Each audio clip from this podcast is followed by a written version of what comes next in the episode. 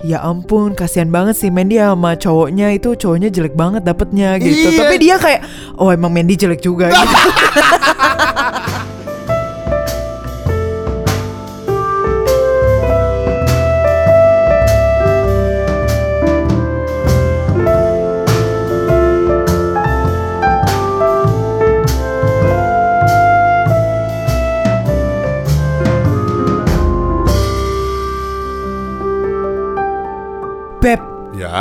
Kenapa sih kamu kalau di sosial media selalu kalau posting foto aku ya pasti foto yang paling jelek? Ada alasan rasional di balik itu. Tahu kenapa? Aku ada rasa nasional. Bukan. Bukan. Emang bahasanya agak buruk tapi gini. Kenapa kalau aku posting foto kamu tuh yang jelek? Kenapa? Supaya ngimbangin aku yang jelek. Jadi kita sama. Biar kamu gak merasa jelek sendiri. iya. Jadi kan kita lihat orang pasangan yang sama-sama Oh jelek. iya benar. Jadi Gitu nggak dong. bisa ngeliat kayak ih ya ampun kasihan banget sih Mandy sama cowoknya itu cowoknya jelek banget dapetnya gitu. Iya. Tapi dia kayak oh emang Mandy jelek juga gitu. Iya, iya. Jadi lebih setara lah ya gitu. Nah, nah. Oke. Berarti alasannya masuk akal, kan? Pintar, pintar, pintar. Iya. Ah. Itu ternyata cara kamu branding pribadi di sosmed Yo, eh. sangat baik ya Beb ya. Karena um, Hmm. social media is all about branding. Oke. You know. Eh, by the way, Yes. kenapa hari ini kita ngomongin social media? Karena kita melihat bahwa sosial media itu secara peningkatan per tahunnya itu sangat tinggi dan kayaknya ya kita memang sudah seharusnya mengambil topik tentang ini. Oh. Karena ada banyak kasus-kasus yang patut kita ceritakan, Beb. Salah satunya yang tadi foto yang kamu posting itu yang aku jelek itu. Iya, nggak apa-apa kan brandingnya kita sama-sama jelek. Jadi kalau misalnya satu jelek, satu jelek, jadi nggak timpang gitu Iya, kan. nggak timpang. setara, setara. Yang paling parah itu kan ketimpangan sosial. Nggak boleh kita Apalagi di ciptakan. dalam rumah tangga nggak bisa, boleh, harus boleh. menjadi satu beb, jelek Betul. jelek. Iya. Makanya kalau sekarang aku gendut, kamu juga jadi gendut. Nggak. Enggak, enggak, itu enggak. Boleh. Oke, nah hari ini kita pengen bahas tentang sosmed, Oke, khususnya Mm-mm. kepalsuan dalam sosial media. oke. Kenapa sih beb? Kok menurut kamu di sosmed itu banyak sekali dengan kepalsuan? Jadi gini beb, kita punya pengalaman pribadi yang betul-betul kita alami langsung. Mm-mm. Sebenarnya nggak kita alami langsung sih. Ada temen yang cerita sama kita. Oke. Dia cerita bahwa gini ceritanya. Jadi temen kita nih di sosial media punya temen kan pasti. Ya of course. Ketika temennya punya sebuah pencapaian, Mm-mm. teman kita tidak mengucapkan itu di sosial media. Oke. Dia mungkin japri secara pribadi, Hmm. gitu. Langsung Bukan personal. mungkin dia japri. Iya ya, ya, dia iya. dia japri secara pribadi. Dah. Terus tiba-tiba orang tua temennya ini ngomel karena dekat hubungannya. Heeh. Dia bilang, "Kok nggak menghargai sih? Kok nggak ngucapin di sosial media sih? Kok wallnya nggak ada namanya dicari gitu? Gila. Like apaan sih gitu?" Mm-mm. Kebayang nggak sih bahwa teman-teman kalau dirasain atau enggak gitu ya? Heeh. Misalnya misalnya ada yang ulang tahun. Nah, Let's say di Instagram, Yes. orang kan taruh di story kan, Happy Birthday. iya. Biasanya semakin banyak yang dari post dia semakin bangga. Yes, Iya kan yes, kerasa yes, kan? bener, bener, bener. Wah temen gue banyak nih yang ngucapin iya, banyak nih yang gitu. mention gue banyak nih Iya, gitu. jadi kayak akan di repost terus gitu Of sebetulnya. course. Eh, aku nggak bilang itu salah sebetulnya, Uh-uh. tapi buat beberapa orang itu jadi big deal. Hmm. Iya dong beb. Beberapa orang itu merasa kalau yang ngucapin dikit dia jadi marah. Hmm. Kok lu nggak ngucapin gua sih di story? Iya. Kok lu nggak ngucapin gua sih di sini gitu? Itu ukuran popularitasnya dia. Iya. gitu. Bahkan kalau misalnya yang lama di Facebook juga semakin banyak wall yang ngucapin tuh semakin seneng gitu. Makanya kadang-kadang kalau orang lain ulang tahun dia ngucapin supaya waktu dia ulang tahun dia diucapin juga. Ah, yes. Berasa Supaya kan? wallnya dia rame. Iya. Ma- Iya. maksudnya bener-bener eranya tuh sosial media tuh jadi menunjukkan siapa kita. Seberapa populer kita, Oh. seberapa baik kita. Hmm. Itu dilihat dari kita punya timeline sosial media. Sedihnya sih memang sering kali jadi kita akhirnya mendefinisikan arti hidup kita ataupun menilai berharganya kita itu lewat seberapa banyak yang nge-like, seberapa banyak yang follow ataupun nge-repost kita punya instastory. Makanya bisnis followers rame banget kan? iya dong, Mem. Untuk ngebentuk citranya kan? Benar, benar. Sampai segitunya gila. Aku aja pengen beli loh tadinya. Loh, Gila parah banget Terus gue bilang Nggak beb udah biar aja natural Biar aja gitu. Aku pengen menunjukkan bahwa sekalipun aku jelek, aku banyak yang follow kok. Kayaknya itu sama sekali keluar dari message yang mau kita sampaikan deh Beb Kamu bukannya mau harus menjadi brand ambassador yang baik Tapi justru memberi contoh yang kurang ya, baik ya, ya. Makanya jangan Nggak ditiru boleh, ya teman-teman ya. boleh Enggak deh bohong. Aku nggak pernah mau, mau rencana beli followers sih. Yes, aku yes, rencana yes. beli likes aja waktu itu. Parah banget sama aja Oke, nah Beb ada contoh lagi satu. Heeh, Misalnya kita punya WhatsApp grup teman-teman gitu ya. heeh, Terus ada yang ulang tahun. heeh, Karena kita deket, kita japri kan. heeh, Ketika di grup semua ngucapin, heeh. kita akan ngucapin lagi. Of course Supaya image-nya kita di grup, kita nggak lupa sama dia loh. Pernah Supaya kita nggak dicap kayak negatif Ih parah si Mandy nggak ngucapin Iya, iya, gitu. sering kali orang terjadi Iya gitu kan kayak emang like- Maksudnya, nah era-era itu tuh kita hidup di dunia yang padahal sebenarnya ngejapri personal kan lebih lebih sentimental, lebih Iya, effort lebih sebenarnya. effort bahkan, Karena kan kita harus mencari nama dia di WhatsApp, Betul. terus abis itu ketik secara personal gitu. kalau birthday tinggal nulis happy birthday di grup udah. Iya bener, Kayak, like, cuma tinggal buka notifikasinya terus ngebalesin doang gitu kan. Nah sering kali tuh aku merasa kayak Aduh kasihan banget ya Bahkan ada orang-orang yang kayak Take taps dan actually menghitung kayak Oh si ini ulang tahun Siapa nih yang gak ngucapin gitu Atau Iya, iya, mungkin iya, kayak iya, iya, ada iya, satu iya. orang yang dia sebel banget Dia benci banget Terus dia nyari-nyari kesalahan ya Kayak di grup gitu Terus dia nyari Huh parah banget si Mandy gak ngucapin Bener Iya, iya, kan iya, Emang iya, dia iya. orangnya nyebelin Gitu see, iya, iya, Jadi iya. kadang-kadang ya ampun gue kayak lu kurang kerjaan banget sih ngeliatin kayak orang punya kesalahan gitu. Betul. Nah, dan bahayanya adalah ketika sosial media ini masuk dalam relationship.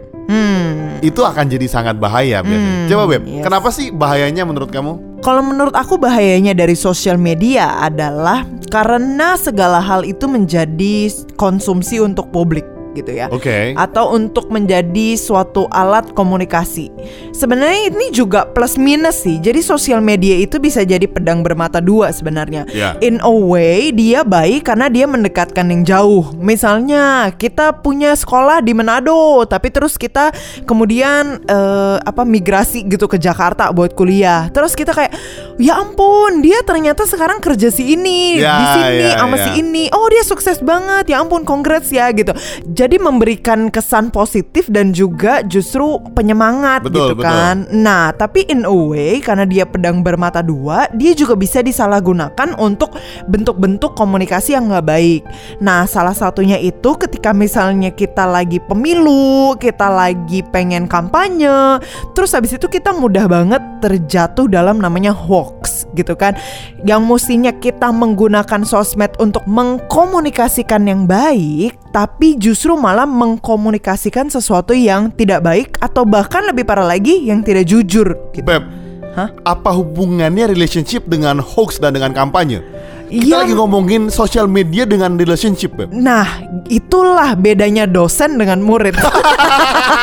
dosen itu melihat jauh dari perspektif yang sangat luas. Nggak, Nyesel nggak. gue tanya, nyesel gue tanya. enggak. Maksudnya gini, jadi misalnya kayak eh, kita punya kode beredar tentang seseorang gosip gitu ya. Jadi kayak eh gue denger denger si ini tuh ya dia itu punya selingkuhan kayak gini gini atau gue denger denger bahwa si ini tuh sering main malam-malam sering dugem bareng si ini si ini sama si ini. Akhirnya menyebar tuh. Akhirnya menyebar gitu Padahal belum tentu bener gitu ya Tapi Ya, fotonya kita udah taruh aja dipampang di sosmed Lihat deh Nih si pacar gue nih Dia makannya banyak banget gitu Atau eh Kamu kok nyindir aku banget itu? Emang aku banyak makannya sih.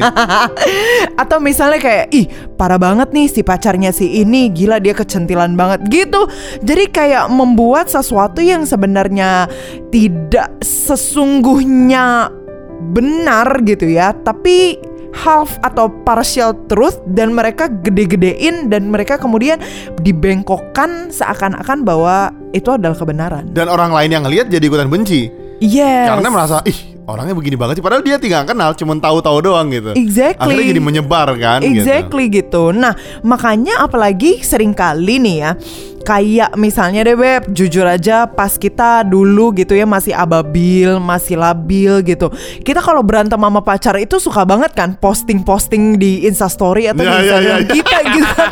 Jadi kayak misalnya gitu kita posting kalau misalnya lagi berantem sama pacar quotes-quotes penyemangat diri gitu. Yo, kayak misalnya apa- apa contohnya, apa in, in, contohnya? in this life you will remember that no one will understand yourself than yourself. Terus habis itu kayak hashtag self love gitu kan, hashtag self puk puk Ya, gitu. Terus semua langsung bilang Iya. "Oh, iya, ya ampun, Aduh gila ya ampun ya kasihan ampun, banget. kasihan Terus Ya, abis ya. itu kayak semua orang gitu eh, mereka itu akhirnya menjadi supporter. Ayo semangat sis, Oh, emang dia iya, orang iya, kayak gitu gitu. Jadi dia tuh seakan-akan mengasih tahu di Instastory bahwa dia itu play victim Ya, sebenarnya. ya, ya. Padahal belum tentu kalau cowoknya atau pacarnya itu yang salah. Yang salah, Mungkin betul, dia betul. sendiri yang salah, tapi terus habis itu dia mencari pembenaran, Betul, dia betul. mencari supporter-supporternya dan kemudian bilang bahwa iya tuh si ini emang gini, Ya, ya. emang tuh si itu emang dia suka kayak gitu, Betul, betul. emang pacar lu emang dari dulu juga gue dibilangin Benar, orangnya benar. tuh jahatnya. Jadi akhirnya suatu image yang dihasilkan dari pacar atau pasangan kita adalah image yang buruk. Bukannya kita sebagai pasangan mestinya memberikan image yang baik ya ke pasangan kita gitu sih. Itu yang mestinya direfleksikan. Dan itu bukan berarti kalian nggak boleh posting quotes ya sebetulnya. Hmm, hmm. Tapi sering kali quotes yang kalian posting tuh ketika kalian berantem biasanya itu yang jadi masalah. Iya, iya, kan? benar-benar. Gitu. Terus habis itu bukannya quotes yang kayak me- menyemangati Ya, ya, ataupun kayak terus habis itu quotes yang mengampuni, mengasihi, tapi quotes yang justru akhirnya egois gitu, self-centered gitu. Misalnya kayak kalau misalnya dia putusin lu, terus habis itu lu akan membuat dia balas Menyesal. eh, menyesal bahwa dia itu mutusin kamu Iya. misalnya gitu. Jadi kayak ya ampun Ya segitu putus banget biasa aja kali maksud gue gitu. Iya, heeh, tapi ya some people choose to apa memuntahkan semua emosinya di dalam sosial media. Iya, gitu. dan itu benar-benar efeknya buruk sih sebenarnya. Benar. Itu bahkan menurut aku ya Bem, Mm-mm. Buruk buat dirinya sendiri. Karena sosial media kan ada bagusnya juga. Oke. Membangun citra diri lu sebetulnya. Dan ketika lu posting itu terus, akhirnya orang melihat citra diri lu pun jadi buruk gitu. Kalau Oh, misalnya, iya. Tapi kalau misalnya di hal relationship gimana beb? Misalnya apa yang bagusnya dan kemudian eh, gimana caranya supaya mereka meng-highlight itu? Nah, ini aku mau bahas Beb soal mengungkapkan sayang sebetulnya. Oke. Seringkali kalau buat kita ya, Heeh. sosmed itu kita gunakan untuk mengungkapkan rasa sayang ke pasangan. Oke. Makanya aku selalu nunjukin bahwa aku posting kamu jelek untuk kasih image begini. Sekalipun dia jelek, aku tetap sayang. itu sebenarnya goalnya itu loh. Oke, in that sense boleh Lo sih. keren kan? Jadi Ya kamu cantik, jelek, baik, buruk. Aku selalu sayang. Oh, kamu sangat mengimani janji pernikahan ya, Beb, ya? Iya, dalam waktu susah maupun Iya. sedih. Sampai yang kalau ada revisi dalam waktu jelek maupun cantik. Nah, makanya aku kalau teman-teman lihat ya, gue suka posting Mandy nguap gitu, suka Ya, posting apa emang ngupil gila karena lagi. Gue bilang bahwa dia yang ini yang gue cintai. Eh, sedap. sadap. Keren kan? Lepek, lepek, lepek, lepek, lepek. Ya jadi masalah adalah Hmm. ketika orang menggunakan sosial media untuk menunjukkan ke orang lain Nah. bahwa ceritanya kita saling mencintai. Ceritanya ada Iya. quote on quote di situ ya, Beb, Makanya ya? gini, misalnya kita makan di restoran mewah gitu ya, Oke. terus dia foto. Oh, terima kasih Honey, Bunny, Sweetie, apalah Barbie, whatever. Tapi setelah dia foto, terus dia main handphone biasanya. Atau mungkin lu bayangin deh Beb Jadi pas dia abis foto Terus dia ngedit fotonya itu lama banget. Pakai filter filter Pakai border border Iya, iya, Pakai iya, bumerang bumerang gitu Jadi lu bayangin Di sepanjang waktu dinernya itu Untuk dia bikin foto. filter dan ngedit foto Nah, berarti kan sebenarnya gini, dia mau menunjukkan ke orang bahwa malam itu malam yang romantis. Padahal dia melewatinya dengan tidak romantis gitu. Benar kebayang gak sih? Iya, benar, Gitu. benar, benar. Kadang- Kadang-kadang kan kalau kita suka lihat orang makan di mall segala macam, kadang-kadang main handphone gitu. Heeh. Sebenarnya kita pun juga main handphone Kita kadang-kadang. juga pernah melakukan hal yang sama. Heeh. Cuman kita tahu kita itu ngobrolnya intimate banget. Gue bilang, Heeh. gue harus bilang ke teman-teman bahwa gue sama Mandy tuh kalau ngobrol bener-bener ngobrol. Kita sering pulang. Bener-bener ngobrol. Oke. Memang aneh Eh, juga sih. Oke. Jadi gini, gue sama ini sering banget misalnya kita di rumah bareng, terus kita pergi ke mall, terus sampai mall, tiba-tiba kita bilang udah pulang yuk. Lo nggak ngapa-ngapain nggak? Kita di mobil kita muter-muter muter-muter baru pulang. Emang Karena yang dari Jakarta, Tangerang, Tangerang, Jakarta. Iya. Perjalanan di mobil itu yang kita pakai buat ngobrol sering kali. Hmm. Jadi kalau kita ke mall jalan sebentar terus, yuk pulang yuk. Terus kita di mobil ngobrol gitu. Karena kita berdua suka ngobrol. Iya, Jadi benar. bonding yang kita bangun tuh kedekatannya karena ngobrol. Uh-uh. Seringkali orang membangun bonding tuh di sosial media. Hmm. Kayak like uh gitu. Dulu kita punya teman beb Uh-uh. cerita dia bilang gini. "Eh, eh tau nggak Bootman, aku tuh capek loh dilihat orang tuh aku sama pasanganku tuh lovebird. Dia kan gak ada cerita gitu sama kita. Oh iya? Iya waktu ke rumah. Capek tau makanya ketika putus orang nanya ih kok lu putus sih? Ih kok lu putus sih? Kan lu lovebird banget. Orang apa bilang gitu? Karena pencitraannya perfect banget beb. Hmm. foto di mana-mana. Terus dia cerita ternyata selama ini sama pacar sama pacarnya dihina-hina terus. Kamu bajunya jelek bajunya jelek. Ayo dong bajunya yang rapi dong. Hmm. begitu difoto kan bajunya rapi. Ternyata ceweknya tertekan Oh, mentalnya. iya iya benar. Kebayang kan? maksudnya gitu. Pencitraannya luar biasa. Kalau pergi ke mana-mana Bajunya selalu sama. Necis, Terus- Iya kan? iya kan? Terus Couple. Couple gitu-gitu Padahal ternyata ceweknya tersiksa Dan dia Hmm. bosan berpura-pura Untuk dipandang orang jadi lovebird Di sosial media Hmm, I see. Nah, kadang-kadang memang itu terjadi banget sih web di sosmed. Jadi mereka itu eh, sampai bela-belain gitu ya, sewa fotografer mahal-mahal, iya kan? Untuk apa?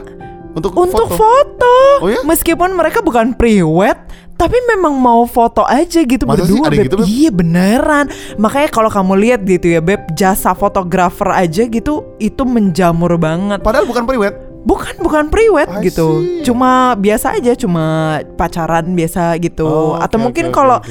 kalau udah nih udah nikah sih mending ya. Tapi kalau misalnya udah nikah terus habis itu merasa bahwa mereka punya sosmed itu nggak update dan mereka ingin kemudian men- menyampaikan rasa cinta dan kemudian menyombongkan kembali gitu ya. Apa mereka punya eh, rasa asmara gitu yang dulu pernah ada Oh. gitu. Terus mereka sewa fotografer supaya kelihatan bahwa di Instagram oh mereka baik-baik aja, oh mereka unyu, oh I mereka see. super duper Iya, iya, lovebird, iya, iya. lovebirds gitu loh. Sampai segitunya ya Maksudnya bahayanya gitu. Membangun image di sosial media tuh bahaya. Itu merusak banyak hal loh teman-teman gitu. Bayangin ya Image yang lu bangun Ternyata merusak relationship lu gitu Mm-mm. Untuk itu Jadi bahaya banget kalau misalnya kita hidup itu membangun bonding hanya berdasarkan sosial media gitu. Betul. Apalagi kalau misalnya jangan-jangan selama ini kita ngobrol hanya di sosial media. Iya, iya, Ngerti iya, nggak? iya, iya. Jadi misalnya mereka itu komunikasi seharian itu hanya lewat komen-komenan di sosial media gitu. Oke itu aneh banget sih Iya misalnya bisa aja kan beb Iya. Hai say Ih aku kangen banget sama kamu Terus mereka lagi foto flat lay Foto mereka punya sarapan Mereka lagi sibuk kerja. Terus abis itu Tag dulu dong My honey bunny. Miss you Wish you were here. Gitu. Terus abis itu Terus abis itu dia punya pacar gitu ya Atau dia punya suami. Oh thank you babe. I miss you too. Padahal di WA-an mereka sama sekali nggak ngobrol. Misalnya gitu. Itu pasangan yang membangun citra berlebihan dan alay Alay itu Beb kayaknya Beb It Too can- much Beb itu It can happen, Beb. You'll be surprised how many people are like that gitu. Ya, ya, ya, Jadi ya, ya. mereka membangun citra yang sangat luar biasa gitu kan. Sama lah kayak misalnya kita ngelihat banyak artis-artis yang keren banget kelihatannya unyu banget, so sweet banget kalau honeymoon ke Maldives lah, ke Eropa, ke Icelandia misalnya gitu. Tapi terus eh cerai. Iya. Terus beberapa lagi eh suaminya selingkuh gitu. Karena kan Mendingan uh, benar. Heeh, karena mungkin mereka sendiri tidak membangun bonding yang asli. Mereka membangun bondingnya itu selama ini maya di dunia maya sendiri. Bener, makanya daripada Jojo ke Maldives, kita ke Malang juga enak kemarin sebulan. Unyu-unyu juga, Beb. Ya? Iya iya, benar. Iya. Emang enak sih di Malang. Terus yang paling penting, Beb, selain Malang itu enak, kita juga begituan di Malang banyak kemarin. Enggak, kayaknya enggak sama sekali Beb. Kemarin udah Eh, ada, capek. ada soalnya. di Malang kita ada begituan juga, Beb. Oke, next. Eh, poin berikutnya. Ting ting ting ting. Beb, dari Oh. setelah kita cerita Yes. sekian banyak tentang Yes. sosial media, sebenarnya apa sih kesimpulan kita tentang pasangan yang pasti ada sosial medianya? Oke, mungkin dari aku adalah yang pertama gunakan sosial media secara positif. Dalam artian positif itu yang sebenar-benarnya. Bukan hanya untuk mencari supporter, bukan untuk mencari uh, uh, fans club gitu ya, Ya, ya. ataupun me- supaya membuat diri kita itu jati dirinya lebih tinggi daripada apa pun juga gitu.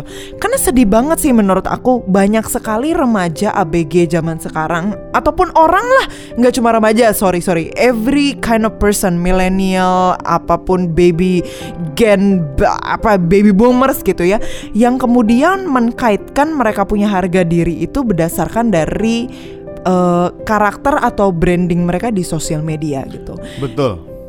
Jadi ada pentingnya juga ketika misalnya mereka memposting sesuatu di sosial media ataupun mereka menggunakan sosial media itu yang seperlunya aja. Jadi makanya salah satu saran yang bisa aku berikan adalah potong kalian punya jam sosial media. Karena semakin banyak kalian main di sosial media, itu berarti semakin banyak kalian punya pikiran itu terisi oleh hal-hal yang dunia maya. Instead of kalian punya main, kalian punya pikiran terfokuskan ke hal yang real yang terjadi di dunia kalian sebenarnya. Mungkin itu terutama kalau yang kalian follow adalah orang-orang toksik. Yes, Iya kan? bener banget. Jadi salah satunya juga caranya untuk memfollow orang-orang yang toxic dan don't be surprised. Kadang-kadang orang-orang toxic itu tidak terlihat toxic pada awalnya. Betul, betul. Maksudnya gimana? Jadi kalau toxic obviously misalnya dia sering ngomongin orang, sering eh, nge-share yang hoax, tapi orang-orang toxic juga bisa terlihat dalam hal-hal yang positif loh sebenarnya. Misalnya mereka keseringan foto bareng suaminya atau pacarnya jalan-jalan mulu misalnya gitu ya. Ataupun sering memamerkan mereka punya kekayaan which is ya nggak apa-apa juga hak-hak urusan mereka, hak mereka, gitu kan. gitu, ya. Positif karena oh dia sukses nih. Oh, Ya, ya, dia ya. punya startup berjalan lancar. Ya positif. Itu cerminan branding yang positif. Betul, Tapi betul. in a way itu bisa menjadi negatif, Negatif buat kalian. kalau itu terefleksikan ataupun mengganggu kalian punya nilai diri. Ya, jadi gua mulai membuang yang gua follow sebetulnya. Gue mulai milih. Hmm. Dulu misalnya kayak aduh dia follow follow back ah gitu. Sekarang gua nggak, gue bilang kalau menurut gua ini nggak ngasih impact, gue delete. Gitu. Maksudnya karena Unfollow. Iya, gua unfollow karena nggak ngasih dampak apa-apa gitu. Mendingan gua follow-follow yang infografis yang gue tahu oh ini kebutuhan buat gue ini oh ini pengetahuan ini ekonomi ini relationship apa pun yang membangun kita sebetulnya Yes, dan itu benar. setuju banget jadi kalian mesti perhatiin siapa yang kalian follow Betul. karena kadang-kadang itu bisa ngebentuk kalian gitu ya Beb ya. Betul. Kalau dari kamu sendiri, Beb. Buat aku gini, tidak semua hal tuh jadi konsumsi publik. Hmm, Jadi nggak semua hal good. dalam hidup kita tuh semua orang bisa lihat dan semua orang perlu lihat dan That's lu perlu good. kasih tahu karena nggak guna juga gitu. Hmm. Kamu pernah nggak sih Beb kayak kepikiran atau bahkan kayak merasa kalau gua nggak posting ini di sosial media ini tidak benar-benar terjadi? Aku- kan gimana, kayak ini gimana, misalnya kayak gini, eh gua dalam minggu ini mau pergi ke Thailand. Oke. Atau gue dalam minggu ini tuh sibuk banget Gue bikin konser Gue kemudian eh, volunteer Oke. Gue menyumbangkan dana Tapi kalau misalnya gue nggak ngasih ke sosial media itu Gue nggak terlihat sibuk di hadapan orang Atau gue tidak terlihat bahwa gue tuh orang yang berguna dan berimpact buat sosial gitu Somehow loh that's true, somehow that's Right? true. Ya ya ya ya. Jadi eh, sibuknya kita dinilai dari seberapa sibuk di sosial media. Makanya banyak orang membuat kesibukan bohong di sosial media. Ah. Karena orang sibuk pasti nggak sempat buka sosial media. Logikanya gitu. Ya. Kalau dia di sosial media terlihat sibuk, Yes berarti dia tidak sesibuk itu. Karena dia sempat posting, iya kan? Iya. Sempet posting, sempet ngedit, Iya, iya, pilih-pilih iya. foto. Iya, Lo bayangin ya, aku pernah eh, aku pernah denger gitu ya salah satu cerita temen aku gitu. Dia kalau misalnya buat postingan gitu ya, beb, dia itu ngerjain filternya itu bisa satu jam, bisa dua Oh iya jam. iya, iya ada cerita betul Iya betul. beneran gitu Dan itu gak cuma satu orang Kayak beberapa gitu ya Yang mereka punya Instagram followernya banyak Secara public branding branding itu bagus banget dan mereka bilang iyalah buat Instagram kayak gini nih effort tahu gue itu spend sekitar kayak dua jam buat dapetin satu filter yang bagus atau buat ngepost satu post gue dalam hati gila dua jam gue mendingan ngerjain yang lain kali Tapi mungkin gitu. kalau itu pekerjaannya mereka that's okay. Kan ada ya yang memang benar benar benar Kalau misalnya kita kerjanya way, bukan yes. di situ, benar lu spend 2 jam di situ, lu nggak dapat apa-apa, membangun image lu sibuk, ya nggak guna. Iya benar Iya dong. Kalau mereka mungkin sibuk di situ kan. Benar, Iya, benar, iya. benar, benar. Jadi kalau misalnya kalian sibuk dan kalian posting untuk mendapat pengakuan bahwa kalian sibuk, berarti kalian tidak sibuk. Yes. Karena orang sibuk tidak sempat bikin begituan. Ataupun kalian posting sesuatu untuk terlihat kalian mesra Padahal aslinya mungkin tidak semesra itu Ya, ya, Karena ya, kalian ya, ya. menghabiskan waktu terlalu banyak di depan HP kalian Jadi jempol kalian itu lebih banyak menyentuh layar HP Daripada menyentuh pasangan Oh, kalian nah ini yang kedua betul. Bonding di layar itu nggak pernah bisa menggantikan sentuhan langsung, Ah, bertemu langsung. Kalau kita bertemu langsung, kita tuh bisa menyentuh banyak hal. Oh. Sentuhan-sentuhan yang mm, Hmm. Maksudnya sentuhan hati kan Beb Oh, Kayak iya. misalnya kayak lagu Sentuh Hatiku Iya, Kayak gitu betul. lagu gitu Atau bisa sentuh yang lain juga. Mm. Mm. Eh, sentuh dahaga misalnya gitu ya. Atau sentuh yang lain juga, Beb. gue padahal udah niatnya udah baik. Gue mengembalikan ke jalan yang benar. Aduh, emang cowok udah susah dirubah Emang ya. susah susah. Jadi kalau ada teman-teman yang mungkin mau cerita, Ah-ah. mau membagikan pengalamannya, Yes, yang dan- mungkin kita bisa angkat di podcast kita. Yes, dan kalian yang tersentuh secara pribadi. Oh, kalian bisa DM kita ke At pilotok.podcast atau bisa email kita ke. pilotokpodcast.id at gmail.com Jadi sampai situ aja episode kita. Sampai ketemu minggu depan See ya.